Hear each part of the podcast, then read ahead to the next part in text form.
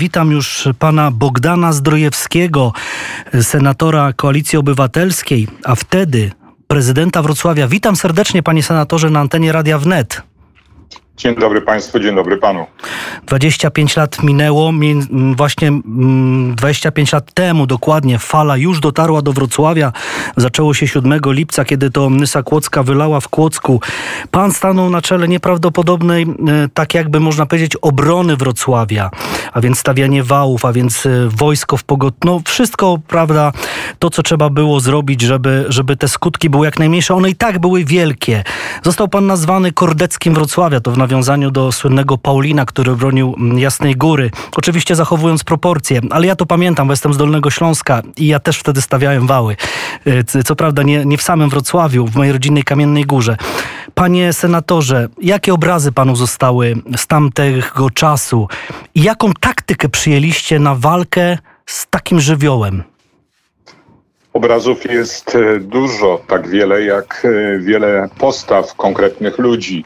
Pamiętam przede wszystkim tą powódź, bowiem, przez postawy, poprzez określone e, działania określonych ludzi, często anonimowych, ale pomimo tego, że anonimowi pozostali mi w obrazie do, do dziś. Natomiast jeżeli chodzi o powódź, ja od razu jedną rzecz uporządkuję. Po to, żeby odnieść sukces nad e, takim żywiołem, potrzebne były trzy elementy w trzech różnych wymiarach. Pierwszy wymiar to ten przed powodzią. Muszę przyznać, że rzadko do tego wracam, ale dzisiaj muszę do tego wrócić, dlatego że to miasto Wrocław, pomimo tego, że to nie było w ich kompetencji, kompetencji samorządu, odbudowało wał przeciwpowodziowy Wyspa na Piasek, E, czyli centrum Wrocławia, odbudowało ulicę Grodzką, a zwłaszcza na brzeże od strony Auli Leopoldina i bardzo istotne w czasie powodzi także przęsła młynów Maria. To też centrum miasta. To według mojej oceny dało szansę na to, aby obronić to dziedzictwo materialne, które ma charakter 600, 700, 800 letni. Druga rzecz to jest to, o czym Pan wspomniał, czyli postawa samych Wrocławian. To, jak oni łatwo mobilizowali się, jak spontanicznie i y, jednocześnie szybko uczyli się tego, co było niezwykle wówczas trudne. Wypełniania worków, ustawiania ich we właściwy sposób, y, szukania tych najbardziej optymalnych miejsc do tego, aby postawić y, zapory żywiołowi. To było coś absolutnie niezwykłego.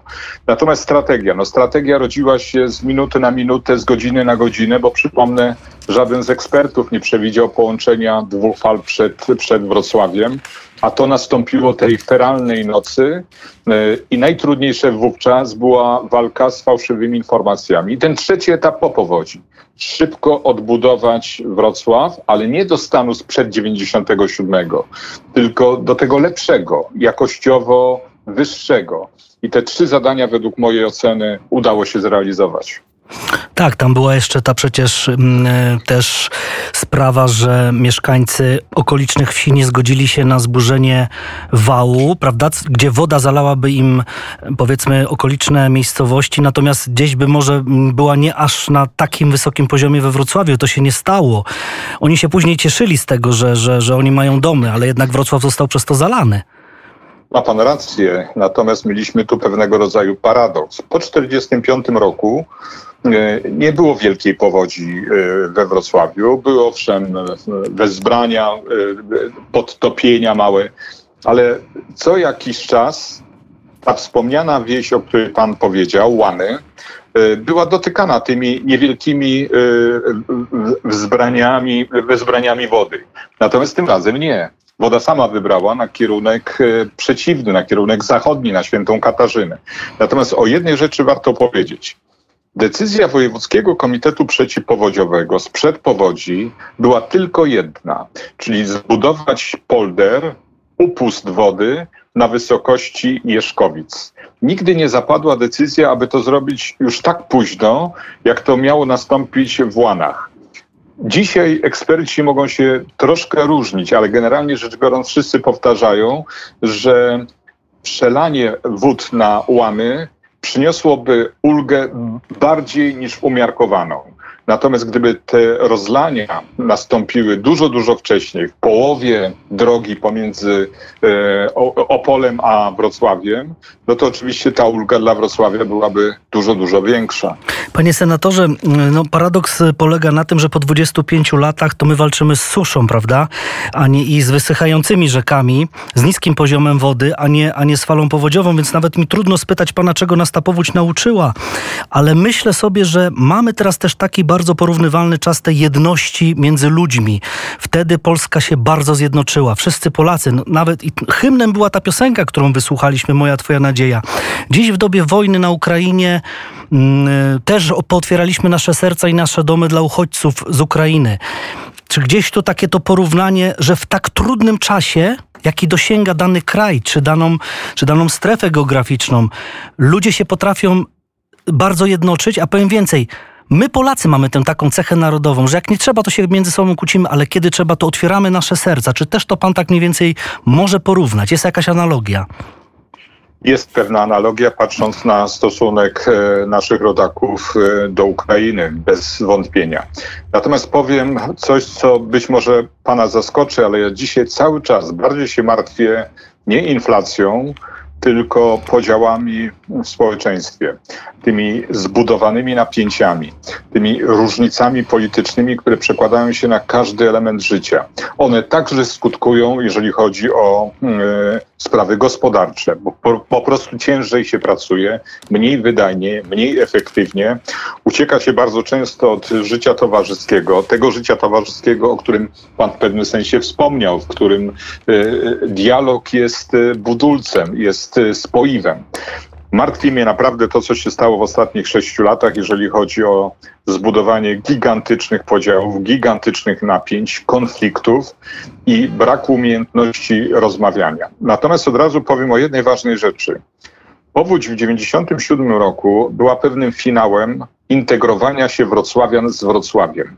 W 1989 roku poniżej 70%, ale jednak Wrocławian nie wiązało swoich losów z Wrocławiem, nie traktowało tego miasta jako swoje. E, bardzo często dominowały dwa fałszywe mity. Z jednej strony taki bardzo komunistyczny, że tu każdy kamień mówi po polsku, powrót ziem piastowskich mhm. do macierzy, powrót ziem zachodnich do macierzy. A z drugiej strony takie przekonanie, że nie warto w to miasto inwestować, bo ono jest na wskroś niemieckie. Ja pamiętam, jak odwiedzałem rozmaite resorty, prosząc o pomoc, mm, także techniczną w latach 90., to bardzo często gdzieś tam na korytarzach słyszałem Breslauerzy przybyli, e, czyli mieszkańcy e, Wrocławia. To długo pokutowało, ale ten proces identyfikacji był bardzo silny przez całe lata 90. E, identyfikacji z odbudowywanym rynkiem, Ostrowem Tumskim, z wreszcie wyzwoloną od takich więzów komunistycznego myślenia gospodarki komunalnej. A powódź ten proces zakończyła. Ona w pewnym sensie go utrwaliła. Wrocławianie już bronili nie tylko swojego domu czy mieszkania, czy swojego garażu czy e, parku. Bronili e, wspólnoty, bronili swojego miasta, bronili wspólnego mienia. W pewnym sensie bronili tego tysiącletniego dziedzictwa historycznego miasta, które przynależało do Czechów, Habsburgów, Niemców, Żydów, rozmaitych nacji. I to było fantastyczne. E, panie senatorze, mm, tak płynnie może przejdźmy do spraw dzisiejszych, bo rzeczywiście możemy też z perspektywy tych 25 lat mm, wracać i wszystkim polecamy młodemu pokoleniu, by, by, by rzeczywiście przybliżyło sobie to, co myśmy wtedy przeżywali na czele z panem, jako tym właśnie prezydentem, charyzmatycznym prezydentem Wrocławia w tym trudnym czasie. Pan był ministrem kultury, dziedzictwa narodowego. Ja pan odbieram jako człowieka dialogu, człowieka o dobrym sercu, pokoju. Niemniej jednak jest pan związany z Platformą Obywatelską i z Koalicją Obywatelską. W perspektywie za rok mamy wybory i Donald Tusk już praktycznie zaczął, e, zaczął, zaczął, no powiedzmy, taką wyborczą eskapadę, bo te wszystkie spotkania, prawda, to wszystko się dzieje. Rozumiem, że, rozumiem, że poniekąd już się przygotowujecie na, na wybory. Dzisiejszy, dzisiejszy sondaż, który mam przed sobą, PiS 33%, 1% więcej niż w czerwcu, Koalicja Obywatelska 18%, wzrost 1%. Na jakiej podstawie i na jakim, mm, powiedzmy, na jakiej płaszczyźnie, na jakich fundamentach chcecie wygrać wybory z PiSem, bo przypuszczam, że chcecie. ogromna lu ilość ludzi, e, ogromna część społeczeństwa jest poddana presji totalnej propagandy, jaką uprawia e, znaczna część e, mediów, mediów publicznych w pierwszej kolejności. Niestety to się utrwala i doprowadza do sytuacji takiej, że ten podział na czarne i białe charaktery, fałszywy podział, zdominował polski rynek. Ja myślę jednak, że czas koniunktury, z którego y, PiS korzystał, dobiegł w pewnym sensie na własne życzenie e, do, do finału. I trzeba sprawować rządy w takich warunkach, w jakich sprawowała je Platforma Obywatelska. Przypomnę, dekoniunktury światowej. I teraz, jak w powodzi, rządy sprawdzają się nie wtedy, kiedy jest koniunktura, nie wtedy, kiedy łatwo wydawać e, pieniądze, tylko wtedy, kiedy mamy kryzys, wtedy, kiedy mamy czasy trudniejsze, kiedy mamy wyzwania, kiedy mamy katastrofy. I wtedy trzeba po pierwsze być prawdomównym, po drugie skromność zaczynać od siebie, jeżeli chodzi o także wydatki finansowe, mówić ludziom prawdę, bo nawet trudna prawda, ale zostanie przyjęta. I w żadnym wypadku nie wolno tworzyć następnych podziałów i następnych konfliktów, bo one są druzgocące. Czego dziś oczekuję od rządu i to jest propozycja ewentualnie platformy na przyszły rok. Po pierwsze, zakończenia wojny z Unią Europejską. Kosztuje nas to już straszne pieniądze. Doprowadzenie do sytuacji takiej, aby wyprowadzić wymiar sprawiedliwości z kryzysu, w którym się znalazł. Bez wątpienia wielkie straty, jakie odnosimy, odnosimy w oświacie. Po kolei kolejni ministrowie doprowadzają do sytuacji takiej, że nasze najmłodsze pokolenie traci powoli, powoli w sposób pozornie niewidoczny kompetencje do tego, aby ścigać się z rówieśnikami z innych krajów Europy Zachodniej. Patrzę także z ogromnym niepokojem na niezwykły nepotyzm, skalę nepotyzmu, no, przede wszystkim przez tą symboliczną e, sprawę dotyczącą PCK we Wrocławiu i de facto kradzieży darów i przeznaczenia pewnych części środków finansowych na finansowanie kampanii wyborczej jednej z obecnych eurodeputowanych. To są niezwykłe rzeczy nie ponoszą odpowiedzialności ci, którzy powinni odpowiadać za niegospodarność. Przypomnę dwie wieże, przypomnę zardzewiałą stępkę, przypomnę i tak dalej, i tak dalej. No, każdego dnia coś się pojawia. Brak transparentności, brak pewnej klarowności, brak odpowiedzialności za dzień następny. Wrócę do tego, od, od czego pan zaczął, że byłem ministrem kultury. Ja rzeczywiście uważałem, że dialog jest e, najważniejszy, że nie wolno nikogo wykluczać. Środki finansowe z Ministerstwa Kultury otrzymywali burmistrzowie, który, na, którzy należeli do, do PiSu, którzy należeli do Platformy, którzy należeli do SLD. Po prostu w te legitymacji nie zaglądałem. Druga rzecz, wykorzystanie środków europejskich w Ministerstwie Kultury było na rekordowym poziomie nie w Polsce, ale w Europie uzyskaliśmy efekt przeobrażenia materialnego polskich instytucji kultury w sposób niebywały. Jeżeli chodzi o czasopisma, korzystały z tych, z tych środków finansowych ministerstwa czasopisma prawicowe, centrowe, lewicowe. E, po prostu musiały poprawić, e, pokazać jakość, poprawić ewentualnie wnioski, jak posiadały wady. Ale tu nie było wykluczeń. My dziś żyjemy w państwie, w którym każdego dnia próbuje się jakąś grupę wykluczyć. To jest niebywałe. Panie senatorze, już tak na koniec. Ja też jestem człowiekiem mediów i, i też nie jest mi obce rzeczywiście propaganda, która powiedzmy sprzyja jednym, a podstawia przysłowiową nogę drugim, ale to, to jest na, na, na, na, dwie, na dwie strony, bo włączymy TVP Info, mamy jeden przekaz, a włączymy TVN24, mamy drugi przekaz, bo taka jest prawda. Mm, słuchajmy Radia Wnet, ale to oczywiście nie, nie, nie o to mi chodzi, bo, bo, bo, bo, bo, tak, bo, bo tak po prostu jest, że, że, że pewne media ogólnopolskie y, jakby są poniekąd podzielone. Ja bardziej bym się tutaj też skupił na tym, co przekazują liderzy, no bo rozumiem, że Donald Tusk jest y, y, absolutnym liderem koalicji, tak? To, to, to jakby jest, mm, no tak jest. Niekwestionowanym. Niekwestionowanym, tak. dokładnie, dokładnie. Donald Tusk, tak jak powiedziałem, ruszył, ostatnio nawet zdjęcia, gdzie był z, z taką torbą podróżną na dworcu centralnym w Warszawie, czekając na pociąg. E, I, I, to są takie rzeczywiście, można powiedzieć, wyszedł do ludzi. Spotkanie 9 lipca w Szczecinie z młodzieżą, generacją Platformy Obywatelskiej, nową generacją. Bardzo dużo haseł, bardzo dużo rzeczywiście mówi się o rządzie PiS, PiSu, e, który spowodował inflację, drożyznę. Ludzie, ludzie myślą tylko o cenach, e, podwyżki energii. I rzeczywiście tego jest bardzo dużo i to wszyscy, i wszyscy odczuwamy. Natomiast Jarosław Kaczyński z kolei w Grójcu powiedział takie takie słowa. Tusk kłamie tak, że słońcu wstyd świecić. Ja teraz się zastanawiam, to, y, to, to, to, gdzie jest, to, to, to o co tu chodzi, to gdzie jest prawda? Czy, czy rzeczywiście ta polityka polega na wspólnym obrzucaniu się, czy jednak na swoim programie i na swoich działaniach? Bo ja bym wolał usłyszeć konkrety, czy z jednej, czy z drugiej strony. E, tego nienawidzę, od razu powiem, czyli mm. tego obrzucania się błotem lub y, stemplowania przeciwników. Kto kłamie, e, łatwo, łatwo sprawdzić. E, definicja prawdy, ta klasyczna definicja prawdy, to jest zgodność pomiędzy wypowiedzią a stanem faktycznym, a rzeczywistością.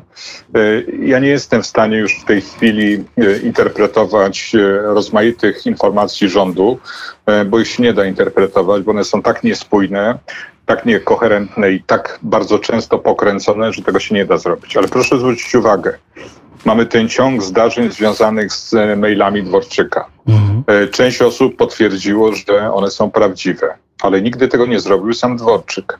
Muszę powiedzieć, że każdy pojedynczy mail, taki, który już był potwierdzony, powinien oznaczać dymisję przynajmniej tego ministra w wielu krajach oznaczałoby dymisję całego rządu. U nas nie ma miejsca na rozważania nawet w ekipie rządowej, w ekipie politycznej e, o takim scenariuszu. To, to nie, niebywałe, bo to oznacza i arogancję, i butę, i cynizm. E, nie akceptuję tego. Ale powiem o jednym incydencie, który zdarzył się dziś, bardzo ważny.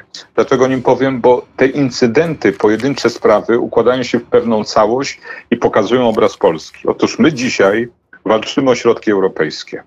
Większość krajów dysponuje nimi już od czerwca ubiegłego roku. Na walkę ze skutkami pandemii, na poprawę stanu gospodarki, na mm, zmniejszanie także potencjalnej inflacji. My z tych środków nie korzystamy, bo następuje w naszych warunkach niezwykły upór e, związany z brakiem e, tak naprawdę klarowności, transparentności e, dotyczących wymiaru sprawiedliwości.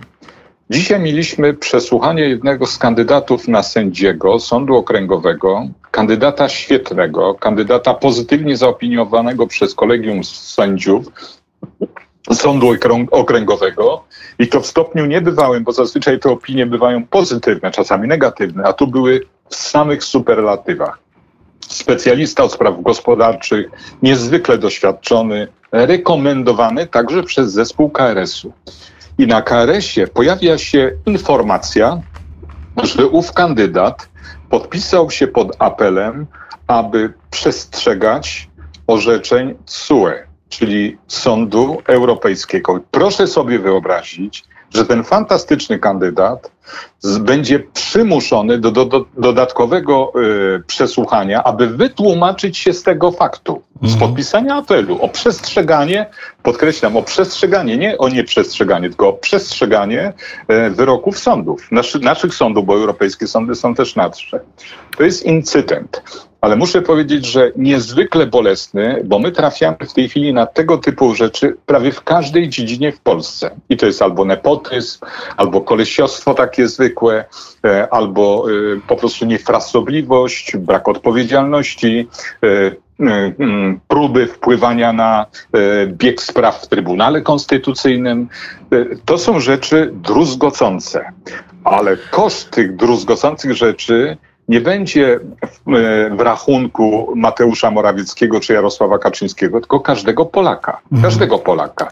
Ja uważam, że najważniejszym hasłem jest przerwać ten chocholi taniec, w którym koszty Polski na najbliższą dekadę mogą być nieprawdopodobnie wysokie i degradujące nas na lata. I to jest bardzo ważne przesłanie.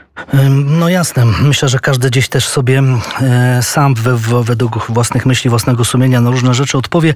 Panie senatorze, dziękuję bardzo za to spotkanie. Pamiętajmy po 25 latach też o tych ofiarach. 56 ofiar w Polsce, prawda? 114 w ogóle w Dokładnie tej, tak. tej części Europy. 20 rzek wtedy wylało, no ale Odra naj, przyniosła największe straty. Ale pan rzeczywiście charyzmatycznie bronił Wrocławia i za to myślę, że po latach też wszyscy panu bardzo, bardzo dziękują. E, Poseł, przepraszam, senator Koalicji Obywatelskiej, pan Bogdan Zdrejski był naszym gościem. Wszystkiego dobrego, panie senatorze. Dziękuję Bardzo serdecznie. dziękuję za rozmowę. Wszystkich serdecznie pozdrawiam. Życzę zdrowia i oby natura nie musiała nas sprawdzać w jakichkolwiek kompetencjach. Dziękuję bardzo. Dziękuję.